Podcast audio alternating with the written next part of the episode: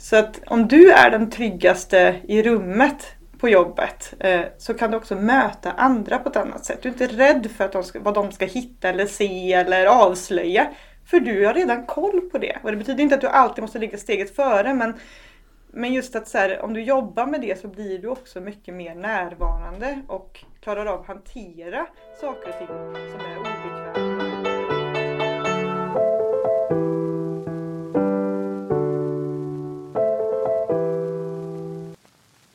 Hej och välkomna till Everything Mindful. Podcasten där jag, Johanna Tim, tillsammans med gäster diskuterar olika perspektiv och infallsvinklar på medvetenhet.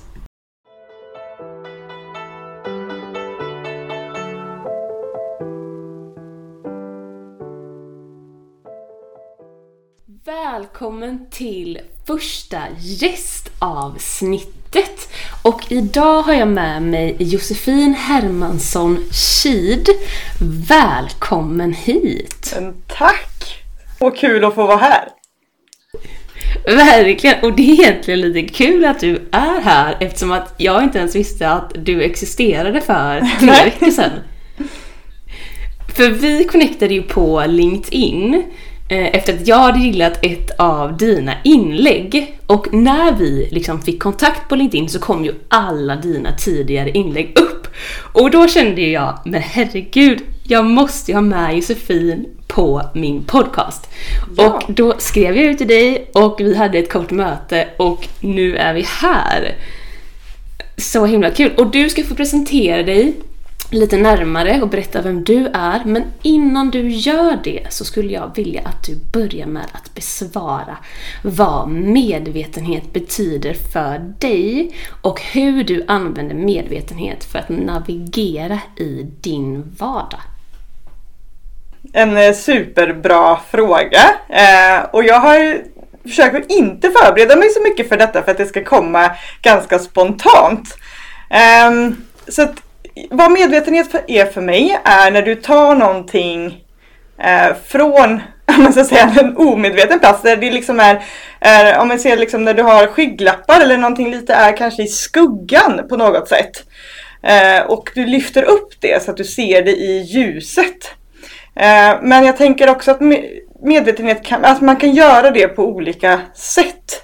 Eh, att det behöver inte, den vanligaste tänker jag är att man tar upp det logiskt, alltså uppe i huvudet. Men jag tänker också att medvetenhet ibland sitter i kroppen, vilket att det kanske vi kommer in på senare då. Men, men eh, någonting som faktiskt jag har fått lära mig kanske senare, där jag började min medvetenhetsresa att ta upp saker och ting mer logiskt i huvudet och beskriva det där. Men också att kroppen ibland är mer, mer medveten än vad, vad ditt eget huvud är så att säga. Men om man bara säger kort då att liksom försöka få upp det i ljuset. Eh, det, att se på någonting så att du kan ta olika typer av perspektiv och vida och vända på saker och ting. Eh, så lite så här att du kan titta på det som att du ser det själv utifrån. Och så har du den här saken framför dig oavsett vad det är. Eh, och att du kan ta flera olika typer av perspektiv på det. Det tänker jag är, är medvetenhet för mig, idag i alla fall. Jag tycker att det också är spännande med de här resorna för det kan ju ändra sig över tid. Och sen din andra fråga, det var hur jag använder det för att navigera. Var det frågan? Mm. Precis.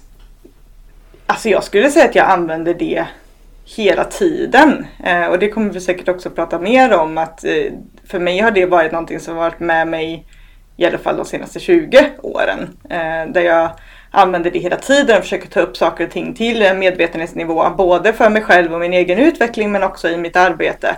Eh, så att liksom, det, det, är typ det jag gör, det är det jag lever. Liksom, det är både mitt intresse och, och mitt liv liksom, på något sätt att försöka skapa medvetenhet och fler perspektiv på olika sätt. Eh, för att vi ska kunna ta mer medvetna beslut tror jag. För det är det som är, alltså allting vi gör i livet är ju på något sätt olika typer av både stora men också väldigt mycket, eller så små beslut hela tiden. Eh, och är vi mer medvetna så kan vi ta den typen av beslut på, på ett annat plan tror jag. Mm, mm, verkligen. Och liksom, hur påbörjades den här resan för dig? Den här medvetenhetsresan? Ja, men jag tror vi får backa 20 år. Eh, och för 20 år sedan så var jag eh, 16 år gammal. Eh, och då fick jag mitt första barn, eh, min dotter Aisha, som idag är 20 år då. Eh, och att bli förälder eh, vet alla som, det vet du också som ganska nyss har blivit förälder, eh, att det, det gör någonting med oss. Eh, vi, någonstans är inte vi själva det som är viktigast längre utan vi måste, vi ska så guida en annan människa genom livet. Och eh, att få göra det så tidigt när man själv, alltså jag fick ju barn när jag själv var barn fortfarande. Eh, och där någonstans så kände jag så här, men jag ska lyckas med detta. För såklart är det ju många som tänker så här, men hur ska det här gå? Vilket jag helt förstår, det är helt rimligt. Eh, och, och just, eh, jag har också en bakgrund, jag kom, min pappa tog livet av sig när jag var tio. Min mamma eh, lider av psykisk ohälsa, någonting som vi har levt med. Vi kommer inte från en, alltså en socioekonomiskt eh, utsatt familj eller vad man brukar säga. Så att jag hade liksom inte de bästa förutsättningarna runt. Men det gjorde ju att jag var tvungen att väldigt tidigt börja titta inåt och eh, fundera på, okej, okay, men vad är det jag behöver lära mig eh, för att lyckas med detta? Och där någonstans så kände jag att så här, jag lyfte upp allt liksom. Började där att så här, okej, okay, men vad handlar detta om? Vad, hur gör jag detta? Alltså alla ställer de här frågorna till mig själv då för att faktiskt ja, men lyckas som förälder. Att inte bli en i statistiken av alla de som som inte klarar av det. Eh, kanske speciellt då när, vi, när man är så ung. Eh, så där skulle jag säga att det började. Eh, hela den resan. Eh, mm. Ja, för jag kan verkligen tänka mig, alltså som du sa själv, att få barn när man själv är ett barn, då har man kanske inte utåt sett oddsen på sin sida att lyckas lyckas, om man säger så. Men för du nämnde ju här att du började kolla, men fick du någon hjälp i den här processen? Eller var det någonting som du navigerade helt själv? Eller hur, hur såg det ut? Nej, men jag skulle säga att jag var väldigt själv i det, i och med att jag inte hade den typen av förutsättningar runt mig eh, på det sättet. Eh, jag har min mormor eh, som är en helt fantastisk människa och en, en stor idol. Men jag menar hon hade ju haft oss, vi är sex eh, barn eller fem, fem barnbarn på, på mammas sida.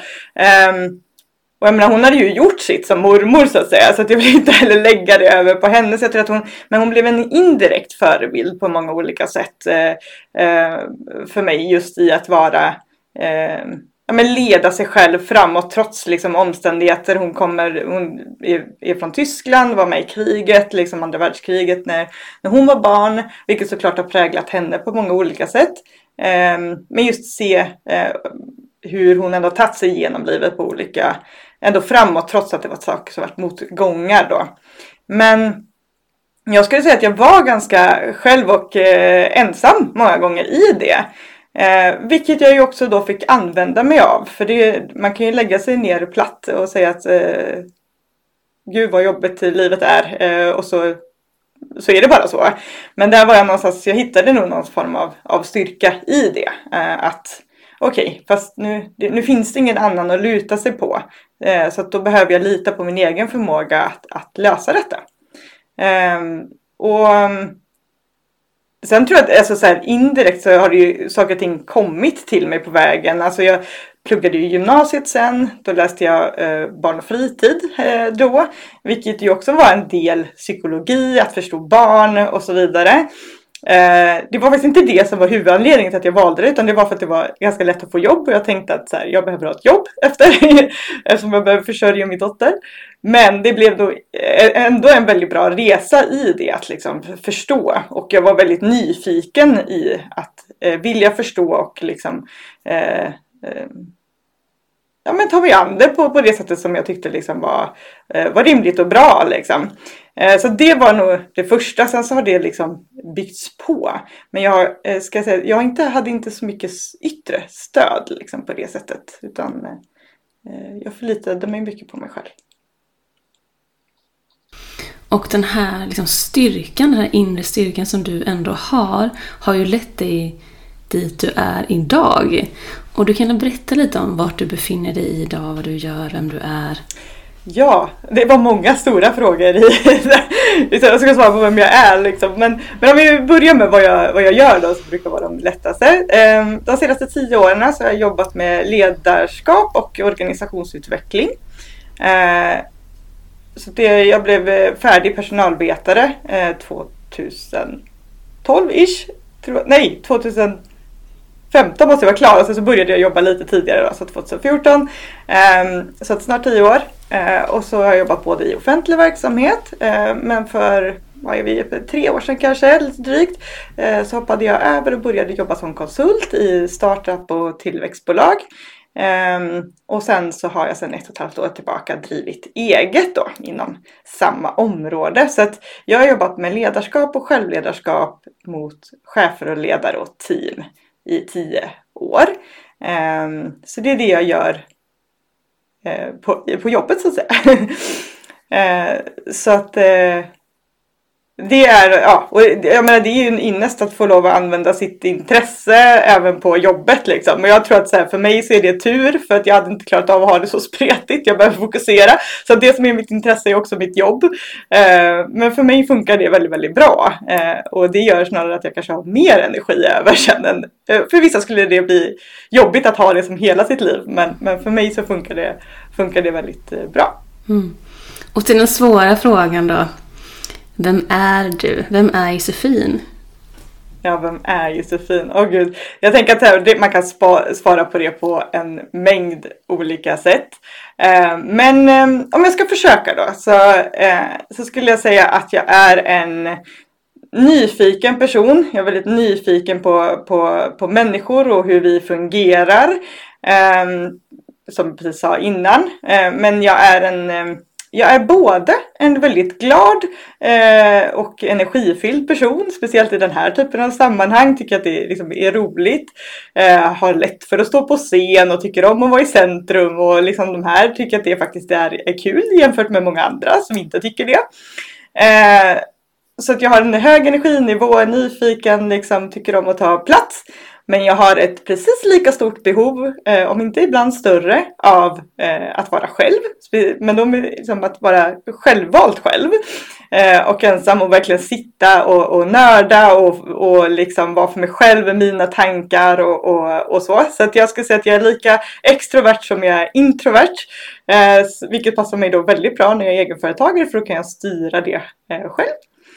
Ehm, sen är jag ju tvåbarnsmamma. Eh, så att jag har en som är 20 men jag har också en som är 14. Eh, jag är, ja, som jag berättade för dig här precis innan vi började, gift sedan ett år tillbaka med eh, min man Sebastian som också har två bonusbarn.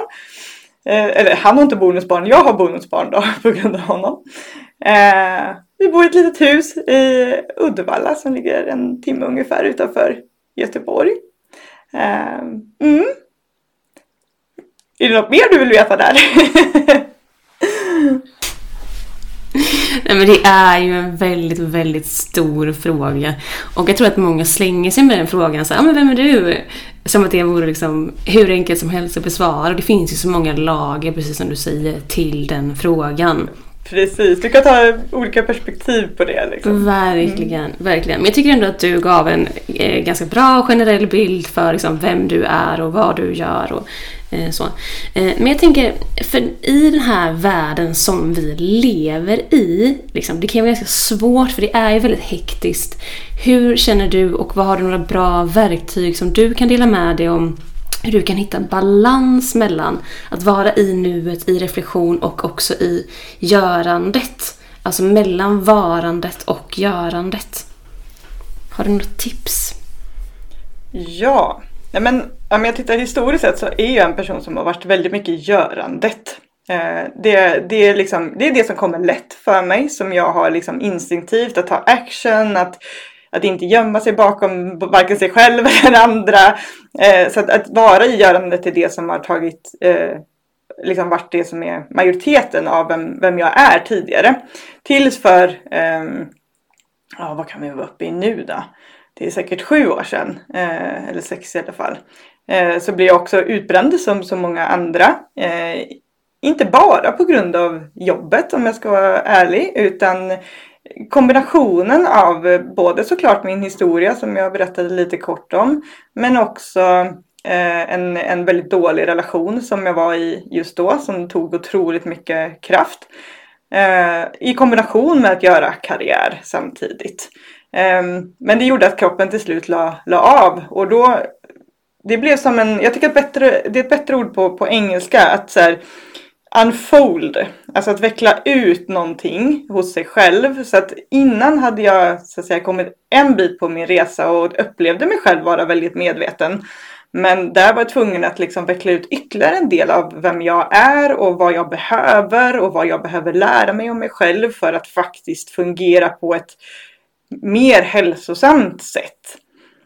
Um, och så det, det, ibland så tvingar kroppen en det. Alltså apropå det jag sa från början att så här, medvetenhet kan ju vara uppe i huvudet och i hjärnan. Eh, men ibland så vet kroppen vad du behöver mer innan du själv har liksom tagit den kopplingen och gjort den kopplingen själv. Så där tvingades jag liksom att tänka eh, ytterligare eh, eh en gång och börja eh, modellera en, en ny typ av verklighet. Och där så, så, upplevde jag att jag började just, apropå då tips då, så jag, ni får vara med mig här så ska jag se om jag kommer fram till. Eh, att tidigare hade jag liksom försökt att titta på, okay, men vad får jag min energi av eh, eh, utifrån liksom det här med att vara introvert eller extrovert och så vidare. Men där tror jag att jag fick lyssna på det ännu mer. Eh, att börja faktiskt titta på, liksom lyssna in kroppen på ett annat sätt och inte bara hjärnan. Alltså här, vänta lite nu, vad, vad, vad får jag faktiskt energi av? Vad är det som funkar i mitt liv? Vad är det som inte funkar? Alltså att checka in med mig själv och det tror jag att vi gör alldeles för få gånger. I alla fall tycker jag att jag märker det bland människor jag har runt mig och så vidare. Att så här, vi lägger inte tiden på att faktiskt stanna upp och reflektera. Att vara med våra egna tankar. Att liksom, men vi har ju hur mycket stimuli som helst. Från ja, men det, det är jobbet och datorn och, och telefonen och, och, det är musik och det är poddar och det är liksom, man är inte ens tyst när man är ute och går med sig själv i, i skogen eller på en promenad. Alltså det är aldrig tyst. Och det upplevde jag att så här, jag hade, hade missat att tystheten på något sätt hade försvunnit ur mitt liv med allt som ju då hände och, och så eh, i, i, mitt privatliv. Men också samtidigt med samhällsutvecklingen. Alltså faktiskt när, när våra telefoner kom in i våra liv och så vidare. Så jag, hade, jag hade missat att saker och ting gick i en, en otrolig fart och att saker och ting aldrig var tyst. Eh, och det är väl egentligen, om man ska komma fram till själva tipset, är ju liksom att faktiskt kontinuerligt checka in med dig själv. Alltså vad är det jag faktiskt känner? Och vad är det som gör att jag känner så här? Eh, och vad är det som gör att jag tänker som jag gör? Alltså så att titta på sig själv utifrån olika typer av perspektiv. Eh, och att sen då designa livet utifrån det snarare än utifrån ja, men, hur, hur världen ser ut utifrån. Eh, det, det skulle jag nog säga är mitt, eh, mitt främsta tips som jag tycker att jag har behövt. Jag tvingades att bli bättre på det. Eh, men det är också någonting som jag upplever att jag har blivit bättre på men ständigt övar på. Och det är därför jag tycker att det i sig är ett bra tips för att du vet aldrig vad som kommer hända. Alltså världen är osäker, saker och ting ändrar sig i ditt liv, privatliv, jobbet. Saker och ting ändrar sig. Så att, att ha ett, ett generella tips är svårt. Men att just den där att checka in med sig själv eh, upplever jag är en av de mest viktiga delarna för mig personligen. Och om vi också pratar medvetenhet då, att lyfta upp någonting i ljuset, att faktiskt fundera över vad är det som händer runt mig just nu? Vad är det jag faktiskt behöver? Eh, och hur tar jag då action på det sen för att forma livet eh, på det sättet som jag faktiskt vill leva det. Mm. Jag tänker det som du säger, det är så himla intressant just att också att våga se någonting för vad det faktiskt är. Inte för vad vi vill att det ska vara eller vad vi tror att det ska vara eller vad andra tycker eller tänker utan vad är den objektiva sanningen här? Hur ser det faktiskt ut? Och som du säger att därifrån för medvetenhet är ju första steget till all typ av förändring. Om man inte är medveten om sin situation, hur ska man då kunna ta sig ifrån sin situation? Och det handlar ju så mycket om som det som du säger, att verkligen våga titta på den för vad det är. För det är ju därifrån som du sen kan ta de här aktiva stegen för att nå förändring. Eh, men du tvingades ju mer eller mindre då att liksom stanna upp. Kan du i efterhand se att det fanns liksom varningssignaler innan din utbränning och har du några tips så att en person inte behöver liksom kanske gå hela vägen till den här berömda väggen? Eh. Ja. ja, men det är klart. Jag tror att eh, alla som har, eh, har gått den resan eller eh, har märker i efterhand att det fanns tecken. Eh, och jag tror att jag, jag, skulle nog, jag skulle backa ganska många år innan. Eh, och för mig var det just att stanna kvar i en relation som uppenbart inte var bra. Eh, och frågan är varför tog jag det beslutet? Och för mig handlade det mycket om att jag inte hade bearbetat och var klar med saker som hade hänt i mitt liv ännu tidigare. Eh, och, och, det tycker jag att faktiskt även när jag jobbar med, med ledare och eh, alltså både VDs och, och chefer och ledare i olika, på olika sätt att väldigt många tar beslut fortfarande från händelser som har hänt tidigt i livet eller från relationer de har haft tidigare. Eh, någon som har svikit dem, en förälder som inte funnits där eller vad det än kan vara. Eh, så märker jag detta väldigt, väldigt ofta att det fortfarande är närvarande. Eh, och hade jag då, jag vet inte om jag kan begära det av mitt 25-åriga jag just då, men, men, men Nej, men det, det, var en så här, ändå, jag kände det i kroppen att så här, det här är inte rätt. Men min logik hittade svar på varför det var, var rätt och liksom, försökte att liksom forma svar på varför det här mm. var rätt. Fast det jag egentligen var, var ju livrädd för att faktiskt avsluta en relation som jag kände att, men shit, varför blev det fel nu igen? Var, varför blir det så här för mig? Och det är mycket skam och skuld och också att barn var inblandade i det. Men just det där när vi låter skam och skuld styra oss, för jag tror det, även om detta var för mig i det här sammanhanget, så är det någonting som händer hos många väldigt ofta. Att så fort vi känner skam, skuld eh, eller inkompetent, att vi borde ha vetat någonting eller förstått någonting, så istället för att faktiskt bara lyfta upp det och vara sjukt ärliga med oss själva, så hittar vi ju vägar runt det. Det är ju en slags försvarsmekanism. Och för mig var det var ju nog det första steget. Hade jag vetat det tidigare och då är det liksom, jag brukar säga det, jag har mm. fått den frågan faktiskt på ett nätverksevent för ett, ett tag sedan. Att så här, vad, är du, vad hade du velat veta tidigare i livet? Och det jag har svarat då har varit vilka mina triggers är. Alltså vad är det som triggar mig till att göra saker jag kanske egentligen inte vill göra? För att jag inte ännu har blivit medveten om det och lyft upp det och läkt den delen av mig själv. Och eh, så det är någonting som jag hade, hade velat veta tidigare. Och sen är det sen finns det ju massa tecken allt eftersom det. Alltså att lyssna på kroppen, varför gör jag saker som, alltså jag, jag tänker det här, sen gör jag någonting annat. Eh, och eh, också stå upp för mina egna behov.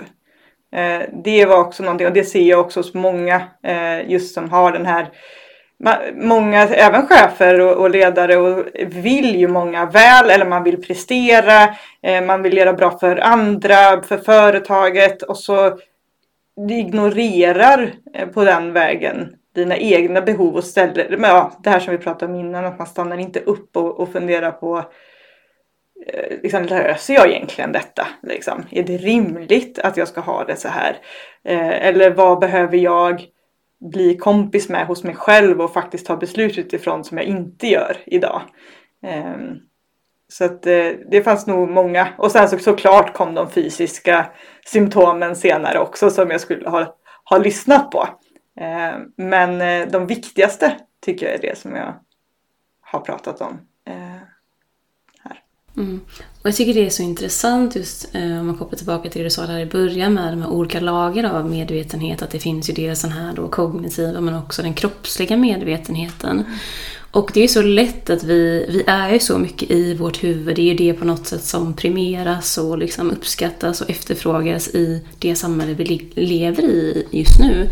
Eh, det här med prestation. Och då har ju vi på något sätt kopplat ifrån oss den här kroppsliga intelligensen och medvetenheten som är egentligen den är ju mer ofiltrerad än den som vi har här uppe i vårt huvud. Mm. För där är det så lätt att tillskriva det vi vill att det ska vara. Nej men det är klart att den här lektionen då till exempelvis i ditt fall har jag investerat i. Ja, men jag hade kanske också en tanke om hur det skulle se ut framåt. Att lämna den tanken, även om känslan säger någonting annat. Det är så lätt att rationalisera det i huvudet. Så jag tycker också att det är så himla fint att du säger det här med att de här kroppsliga signalerna, de blir ju tydligare tills vi tvingas att stanna upp och verkligen adressera det som kroppen ändå vill förmedla till oss. Och jag tyckte också att det var intressant här du sa med triggers. Och det tror jag är någonting som vi egentligen behöver prata mer om i, i dagens samhälle. För att det är där har du verkligen en, en ledtråd till var din utveckling finns. Mm. För att det handlar ju bara om dig och speglingar. Så att om det är så att jag blir triggad av en situation, då blir jag det för att det ligger någonting obearbetat i mig där. Ja. Och det kan ju vara lite obekvämt att se. Eh, för då behöver man ju också ta ansvar. Men det är så. Eh, kring, ja. Så hur gjorde du när du verkligen började adressera de här triggerserna? Jag tycker det är svårt att säga just ett tillfälle för att jag har ju hittat flera triggers liksom, under alla år som jag har jobbat med detta. Så att, mm. men det är ju... Och kommer göra framåt också oh, tänker jag. Oh ja, jag är inte klar eh, på långa vägar. Men jag skulle nog säga att jag gick en ledarskapsutbildning eller eh, ja, jag kommer inte ihåg året men det är ganska länge sedan nu. Och då var just det en del av, eh, av den här utbildningen. Att liksom när vi står så att säga, jag brukar prata om att här, vi står på en ledarplattform. Och när, när, om du ser dig själv stå på en plattform när du är som bäst Eh, då är det ju, liksom, här är du i dina styrkor, du känner dig liksom i, i flow, du har energi, du möter människor perfekt och alla de där grejerna. Va?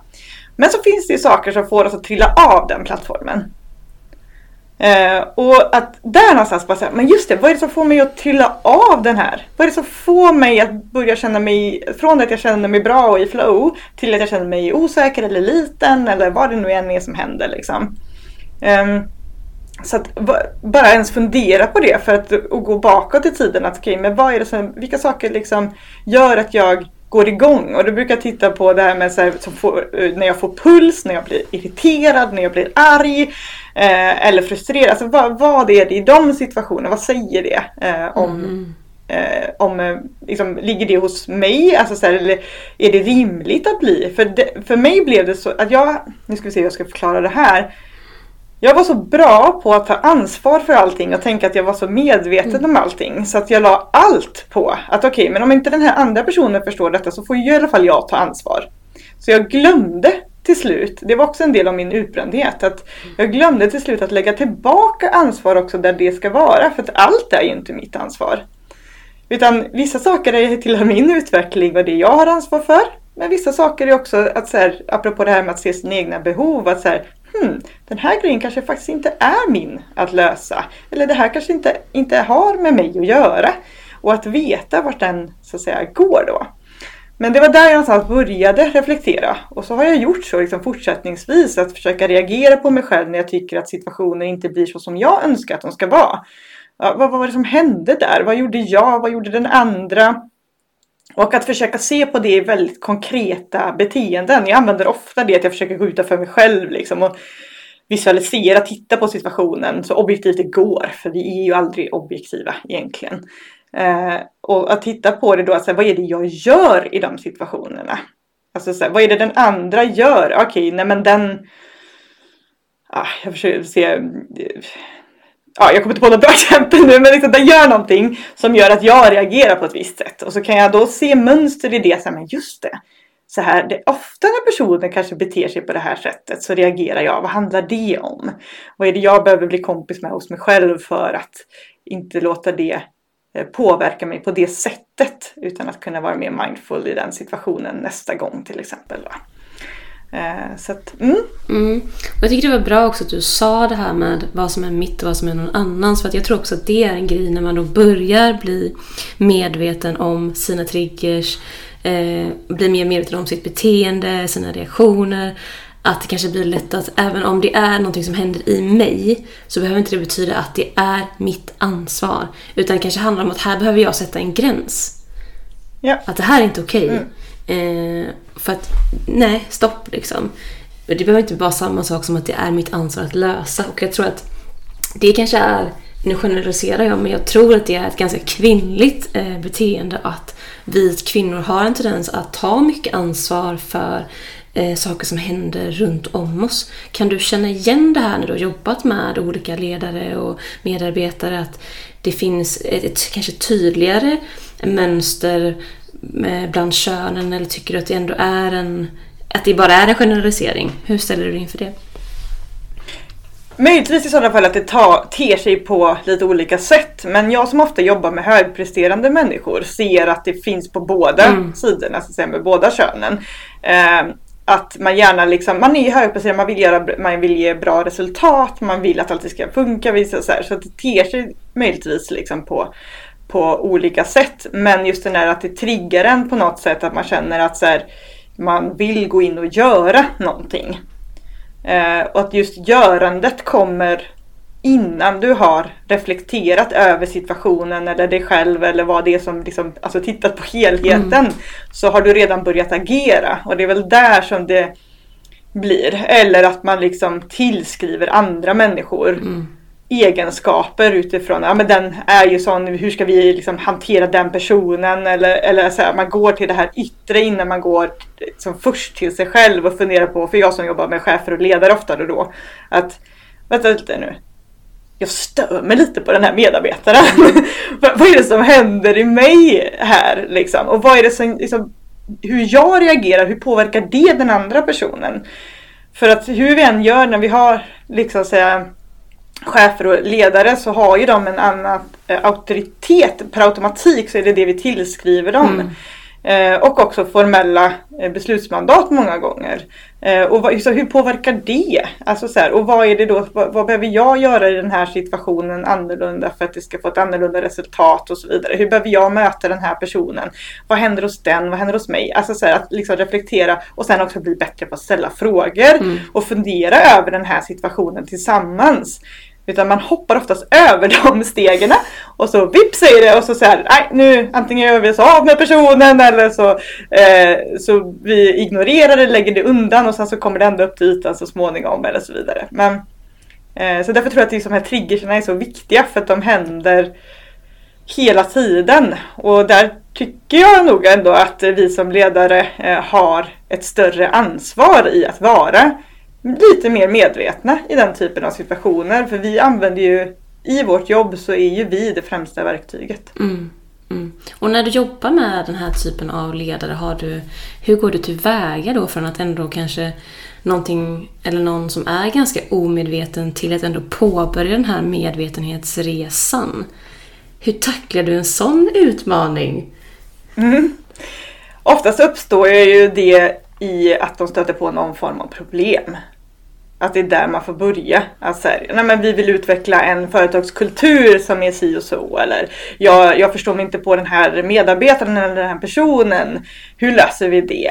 Eh, eller eh, ja, jag tycker det är svårt att hantera de här mötena när folk tycker så olika. Hur gör vi det? Eh, så att oftast uppstår det ju någon form av känsla av problem, någonting som man vill få löst. Och då får man börja där. Eh, att liksom gräva i det. Och ibland kommer jag in på ett individuellt plan. Alltså så att i en-till-en coachning och att eh, liksom med en person sitta och titta på ah, men vad är det som händer och då kan jag ju ställa den typen av frågor. Eh, och där kan det ju ofta bli en del frustration när jag tar kanske bort fokus först från medarbetaren och tar det tillbaka till, till dig som, som ledare. Eh, eller så är det så att jag kommer in eh, så att säga med en utbildning eller en workshop eller en föreläsning eller någonting. Eh, så att vi liksom adresserar det som en grupp och sen så utifrån det jag har liksom pratat om så kan jag skapa ett forum där vi diskuterar olika typer av frågor för att skapa en högre medvetenhet. Perfekt. Och om man skulle vilja jobba med dig, hur går man tillväga då? Ja, då kan man kontakta mig på LinkedIn eller eh, det heter Josefin Hermansson Kid. Eh, eller så på min Instagram, det heter Josefin Kid. Eh, eller så kan du gå in på reachlymentoring.com. Det är min hemsida. Så kan du nå mig där också. Jättebra. Finns det några specifika ögonblick i ditt liv där du har känt dig lite extra medveten och närvarande? Och var det något speciellt som utlöste dessa ögonblick?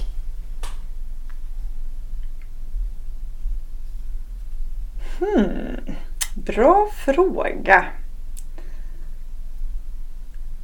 Lite extra medveten.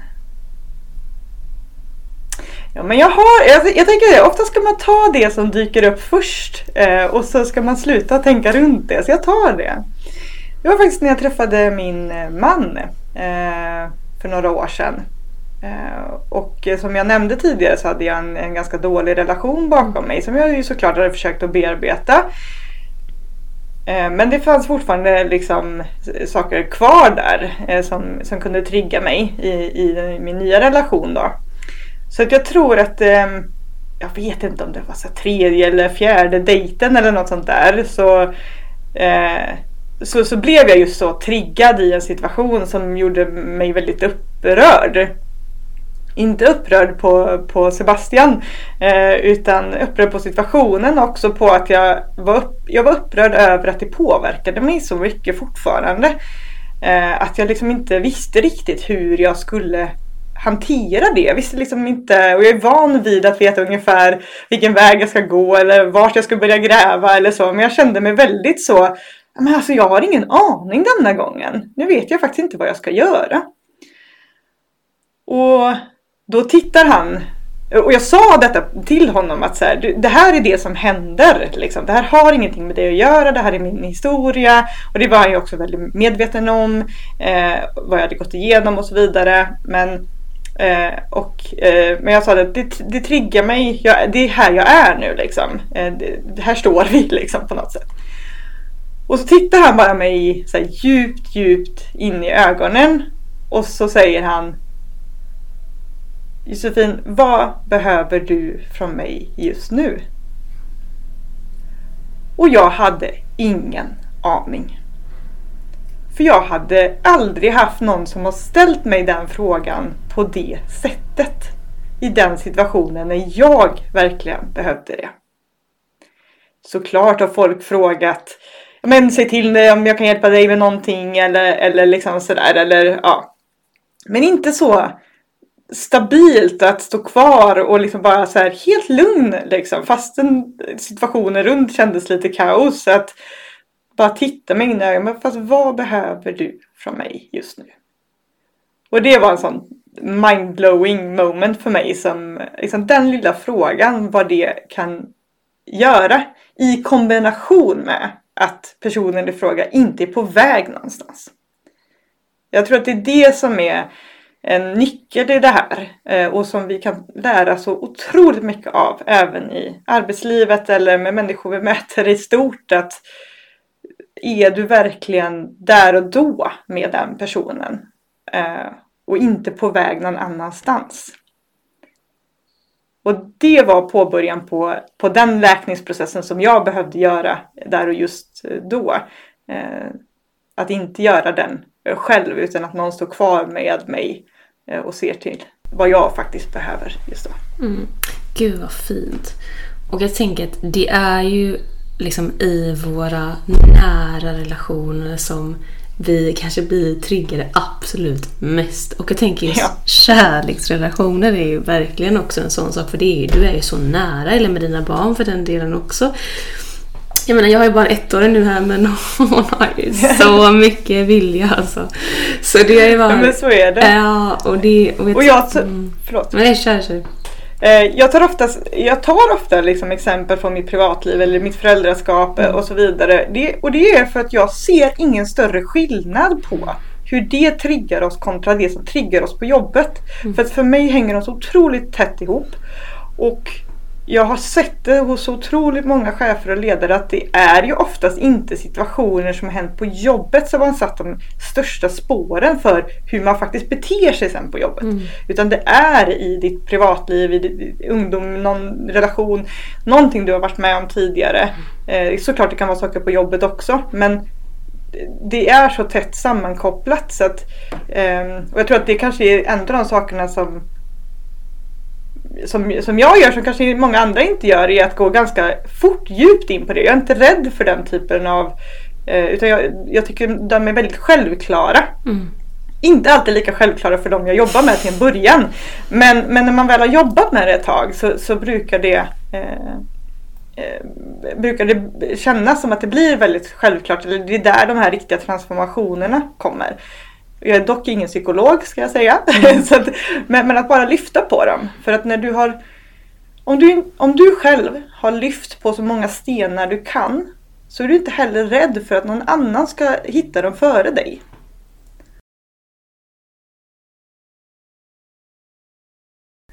Så att om du är den tryggaste i rummet på jobbet eh, så kan du också möta andra på ett annat sätt. Du är inte rädd för att de ska, vad de ska hitta eller se eller avslöja. För du har redan koll på det. Och det betyder inte att du alltid måste ligga steget före men, men just att så här, om du jobbar med det så blir du också mycket mer närvarande och klarar av att hantera saker och ting som är obekväma eller oförutsägbara och så vidare. Verkligen, och jag tänker absolut också som ledare. För att det handlar ju väldigt mycket om att vara en förebild. Jag menar, vem som helst kan ju vara en chef. Men mm. att vara en ledare är ju något helt annat. För det handlar ju om att få personen att vilja följa dig. Yeah. Och hur gör man det? Jo, genom att leda sig själv. Yeah. Och jag tycker också att det är väldigt intressant det här med att ta det perspektivet. Att vad kan jag lära mig av den här situationen? Och att som du då, när du verkligen stod och också ägde den situationen, att det här känner jag här och nu. Och att man är sårbar som man faktiskt är också när man öppnar upp sig. Och jag tror att vi behöver mer av det på vårt arbete. För som du säger, vi är ju människor. Och även om det är olika kontexter som vi rör oss i så är vi fortfarande människor. Och vi har fortfarande ja. behov. De slutar ju inte att liksom existera för att vi går till Nej, och de är inte annorlunda. Nej. Alltså, de mänskliga behoven är samma mm. oavsett om du är hemma eller om du är på jobbet. Det är bara olika, som du säger, kontext eller miljö eller situation. Verkligen. Och det vore väl fint om man kände att man kunde ta med mer av hela sig till jobbet. För då kanske man inte heller behöver komma hem och känna att man kraschlandar för att man har liksom burit någon mask hela dagen på jobbet. Nej. Utan att det är helt okej okay, att, man, att det går upp och ner som det faktiskt gör genom livet. Liksom en vanlig livscykel är ju inte linjär för någon. Och kan man ha mer ödmjukhet i det så tror jag att vi kan skapa ett väldigt alltså, mer accepterande och ett trevligare samhälle generellt att liksom leva och verka i oavsett vilken kontext det är vi pratar om. Ja men verkligen. Eh, och just som du säger där ur ett samhällsperspektiv, för det är det som jag tror att är en av mina stora missions, är ju att göra eh, människor mer aktiva, inte aktiva i görandet, men just det här med, med medvetenhet istället för att vara passiva i sin egen utveckling.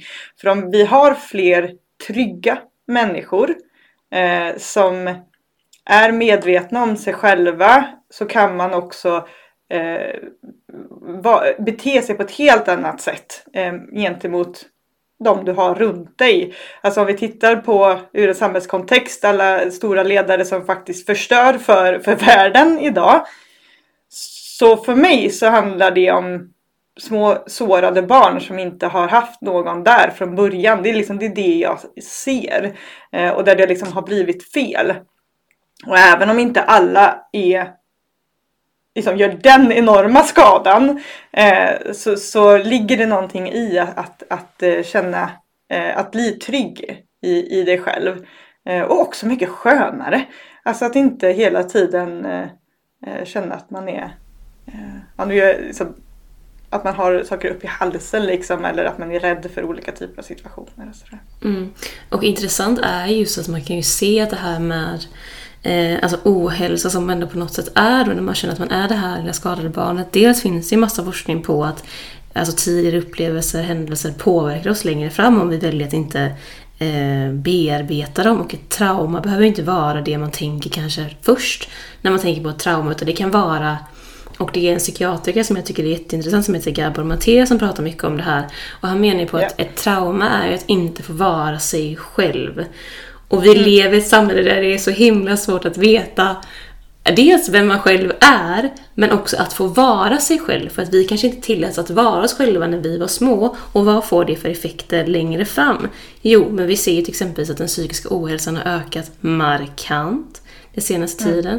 Och jag tycker det är så fint att just ditt perspektiv är att genom självledarskap och genom medvetenhet att vända blicken inåt för det kommer också få effekter och liksom ut, utåt.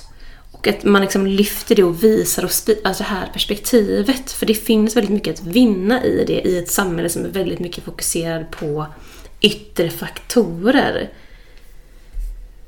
Ja men absolut. Jag tycker att eh, han är ju en eh, otroligt intressant och eh, kunnig person. Jag tycker du, eller så här, tips är att lägga no någonting nere i, i kommentarerna. Mm. Något eh, bra klipp från honom. För att, eh, Jag länkar. Han, eh, ja, han jobbar också mycket med, med ledare på olika sätt. en fantastisk person. men, men så att, och där är det ju det att vi är påverkade av den miljön. Alltså i kombination med vad vi får med oss genetiskt. För där kan man ju också se att så här, vi, vi har otroligt mycket med oss genetiskt som vi inte kan påverka utan liksom jobba med det. Eh, men apropå då genetik så tänker jag så här, för en sak vi har pratat om nu i våra tidigare liksom, eh, eh, möjligtvis trauman och alla har ju inte trauman och jag är så otroligt glad för de som inte har det. Eh, så. Men, men att jobbiga upplevelser, det tror jag att vi kan skriva under allihopa på att vi har varit med om på olika sätt. Liksom. Det går inte att gå ett liv utan och har du gjort det så är jag jätteglad för din skull men, men jag tror att det, det gäller inte de flesta. Eh, så det är ju en del av det hela. Men sen har vi också vår genetik och just nu som vi har format vår arbetsplats eller vårt samhälle så spelar vi ju inte med vår genetik. Vi spelar mot den. Med att vi till exempel blir avbrutna hela tiden, konstanta notiser, och, eh, och så vidare. Att aldrig, som det här vi pratar om, att aldrig ha en tyst eller stilla stund till exempel. Så att vi bygger ju inte heller våra organisationer och företag på ett så att säga mänskligt sätt, alltså utifrån de som faktiskt jobbar i det. Och det tror jag att vi kommer behöva en, längre fram, kommer det bli ännu större liksom, så att säga, krav nästan på det för att vi överhuvudtaget ska klara av att prestera ordentligt. Eh, så att, eh, för det, det pratar vi också för lite om. Att så här, vilken miljö skapar vi eh, på våra arbetsplatser som gör att folk faktiskt kan prestera.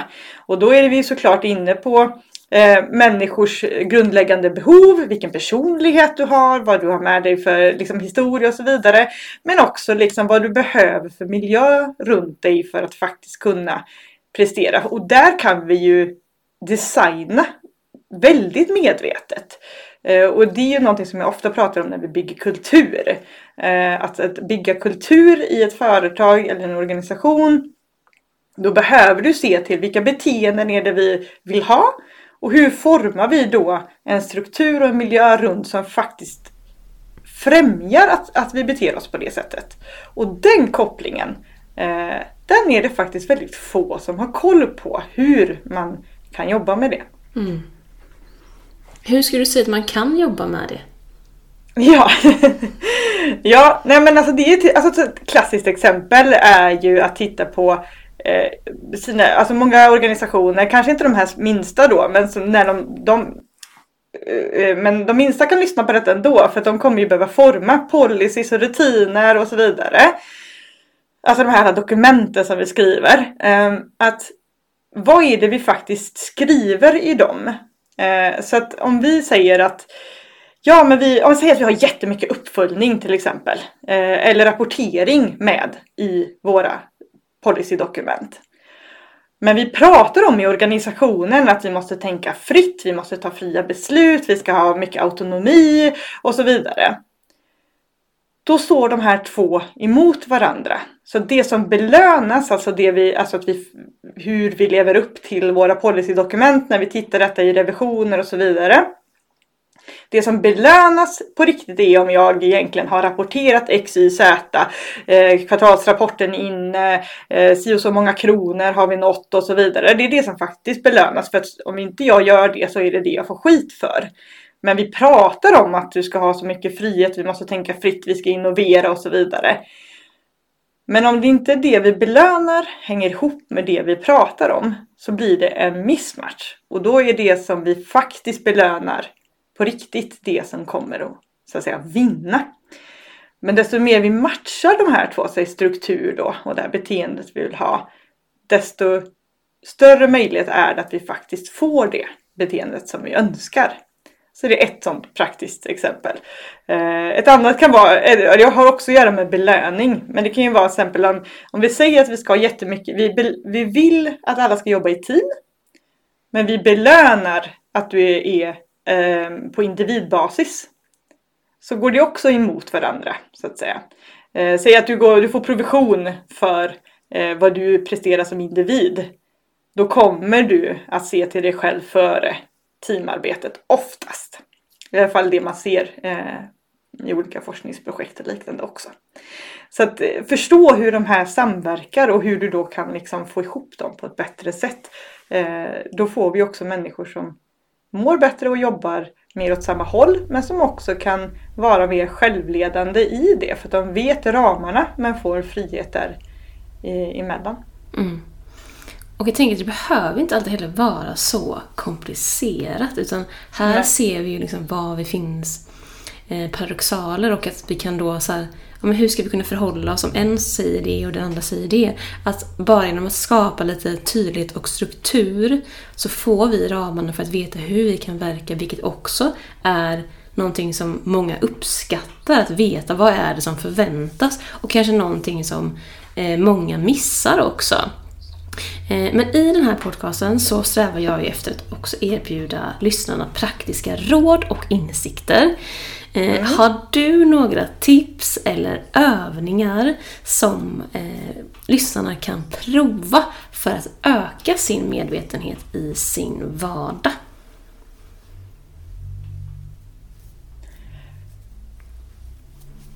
Hmm.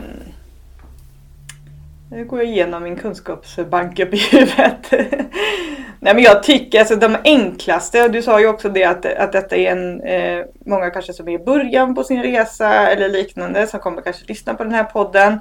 Och då tycker jag att just den här att stanna upp eh, och reflektera och bara liksom skriva ner. Vad är det som har hänt idag? Vad har jag känt idag? Eh, eh, hur har jag reagerat? Och försökt att se det i konkreta beteenden. För att det är oftast då det målas en bild uppe i huvudet, eh, upplever jag. Eh, som du sen då, när du har gjort det. Så att säga, när du har gjort den reflektionsövningen först och börjar liksom bara bli medveten om hur hur saker och ting ter sig hos dig. Vad tänker jag? Vad känner jag? Vad gör jag? Att sen kan du börja mer medvetet forma då. Ah, okej, okay, om jag tittar på den här, jag ska ha ett samtal med någon. Hur vill jag bete mig i den situationen? Att börja måla upp den bilden. Så att säga, du vet att så här, du oftast gör på ett visst sätt, men sen kan du måla upp den här andra bilden. Och när du har den glasklar för dig och du ser den i huvudet. Så man kan säga att du vänjer hjärnan vid att se dig själv bete dig på ett annat sätt. Eh, eller bemöta någon då på ett annat sätt. Och då är det större sannolikhet eftersom att det är igenkänning för din hjärna. Så känns det redan mycket mer bekant än vad det gjorde tidigare för att du har redan sett det så att säga. Då är det mycket större sannolikhet att du faktiskt gör det som du har tänkt dig i den nya situationen. Även om du kanske inte har gjort så tidigare. Eh, så det är liksom den i, i kombination tycker jag är otroligt viktig. Den kan man ju använda som, alltså i sitt privatliv eller, eller i, i, som chef och ledare. Alltså hela tiden ut i sin egen utveckling. För oftast har vi ju så att vi tänker att så här, oh, jag hade så gärna önskat att det var så här istället. Eller att jag gjorde så här istället. Okej, okay, men börja visualisera dig det. Liksom. Eh, titt, se, se, det i en, en eh, bild och då är det just väldigt effektivt tycker jag att se det i konkreta beteenden. För vad är det jag faktiskt gör när jag gör det på ett annat sätt? Då blir det lättare att måla upp den, den bilden. Så det tycker jag är ett sånt bra just självledartips. Eh, just för att, att leda sig själv handlar ju om att nå nya mål eller nya sätt att göra saker. Alltså ta sig själv framåt. Vara chefen i sitt eget liv.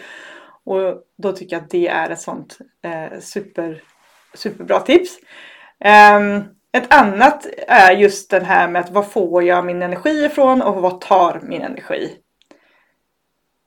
Eh, I sin enkelhet tycker jag att den är otroligt kraftfull. Att eh, vara, igen då, sjukt ärlig med dig själv. Inte vad andra tycker att du borde eller inte borde eller, eller så. Eh, utan att så här, ja men jag vet att jag, om jag har varit social i två dagar, ja men då måste jag ha två dagar för mig själv sen. Eller måste jag, annars så går jag på sparlåga och det vet jag att det funkar inte särskilt länge. Eh, Jag vet så här, jag går alltid och lägger mig ganska tidigt. Tycker folk är jättekonstigt att jag kan gå och lägga mig klockan halv tio liksom. Men det är inte att- tidigt. Nej, kanske inte så småbarnsförälder, men det är många som jag vet också så här, "Ja, men jag måste ha den här stunden för mig själv och, och, och det är all respekt liksom. Och folk tycker att det är konstigt att jag, men jag har hört det många gånger, gud, det- man driver lite med mig liksom, eller när vi är på fester och sådär.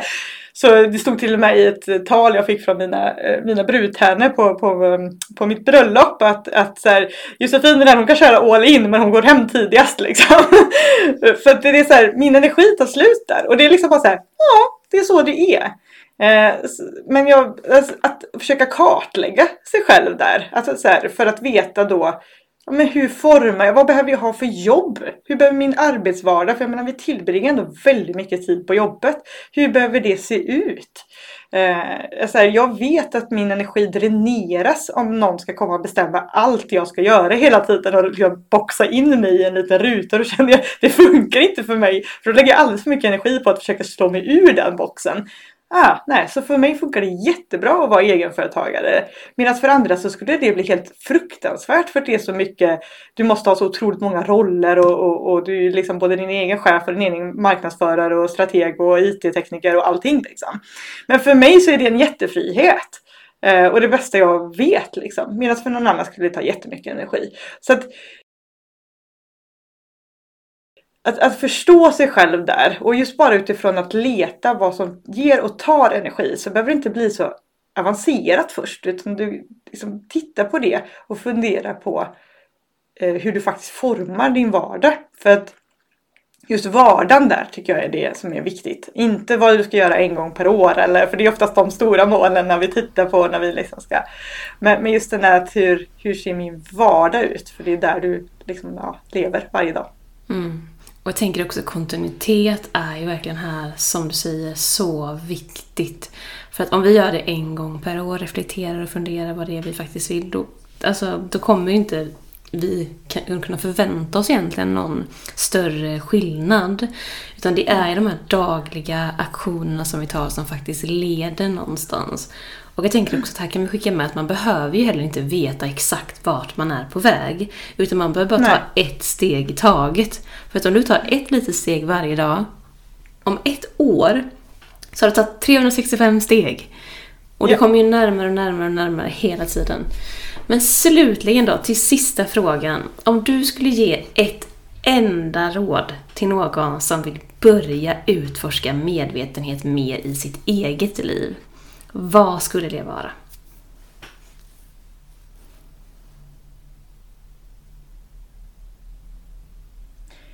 Alltså det känns som att jag är som en eh, skiva på repeat här. Men, eh, men jag säger nog ändå stanna upp och reflektera. Alltså det är det som är och det är precis som du säger, så det behöver inte vara så avancerat. Eh, för det är klart att vi, kan, vi skulle kunna gjort detta jätteavancerat och förklarat hur, hur hjärnan funkar och vad vi reagerar på och, och ditten och datten. Och det tycker jag är superviktigt. Det kan vi ta någon annan gång. Men, men, men just då, om... Men det, det kanske är liksom det som kommer snäppet efter. Men att bara reflektera, att stanna upp. Så jag menar det kan ju vara att du så här när du dricker din kaffe att inte sitta och scrolla på telefonen utan fundera över så här, vad tänker jag just nu? Vad känner jag? Eh, vad vill jag göra? Alltså så här, att, att börja så här, bara, ja, vad hände detta? Kanske reflektera över det du gjorde innan eller det du gjorde dagen Alltså på något sätt va? För vi lever ju vi lever ju genom våra erfarenheter. Så att vi, som du sa, det vi kan inte förutse framtiden. Vi vet ju bara vad vi har med oss bakåt. Men om vi skapar en högre medvetenhet kring just det. Då blir det inte bara autopilot utan vi kan faktiskt medvetet justera den vägen vi tar. Men utan att vi stannar upp och faktiskt reflekterar eller tänker då. Alltså att göra det till våra egna tankar och bara konsumerar, konsumerar, konsumerar. Då... Alltså det, det, som kommer att hända det är att du känner att du tappat bort dig själv på vägen till slut. Att säga, men gud vad är min röst och vad är någon annans röst? Eh, för ja, det blandas ihop när vi bara konsumerar och inte, inte stannar upp. Mm. Tack så jättemycket Josefin för att du har delat med dig av dina fantastiska insikter och din erfarenhet här idag. Det har varit så kul att prata med dig och jag ser fram emot att prata med dig mer djupgående om hjärnan och strukturer i ett avsnitt längre fram. Ja, tusen tack för att jag fick vara med. Jätteroligt att få, få ja, så bara prata och reflektera och, och tänka och sätta ord på saker och ting. Det, är det, det behövs emellanåt. Så att, eh, supertack för det. Tack. Det var allt för dagens avsnitt. Tack för att du lyssnade och vill du komma i kontakt med Josefin så har du hennes kontaktuppgifter i beskrivningen för det här avsnittet. Vi hörs!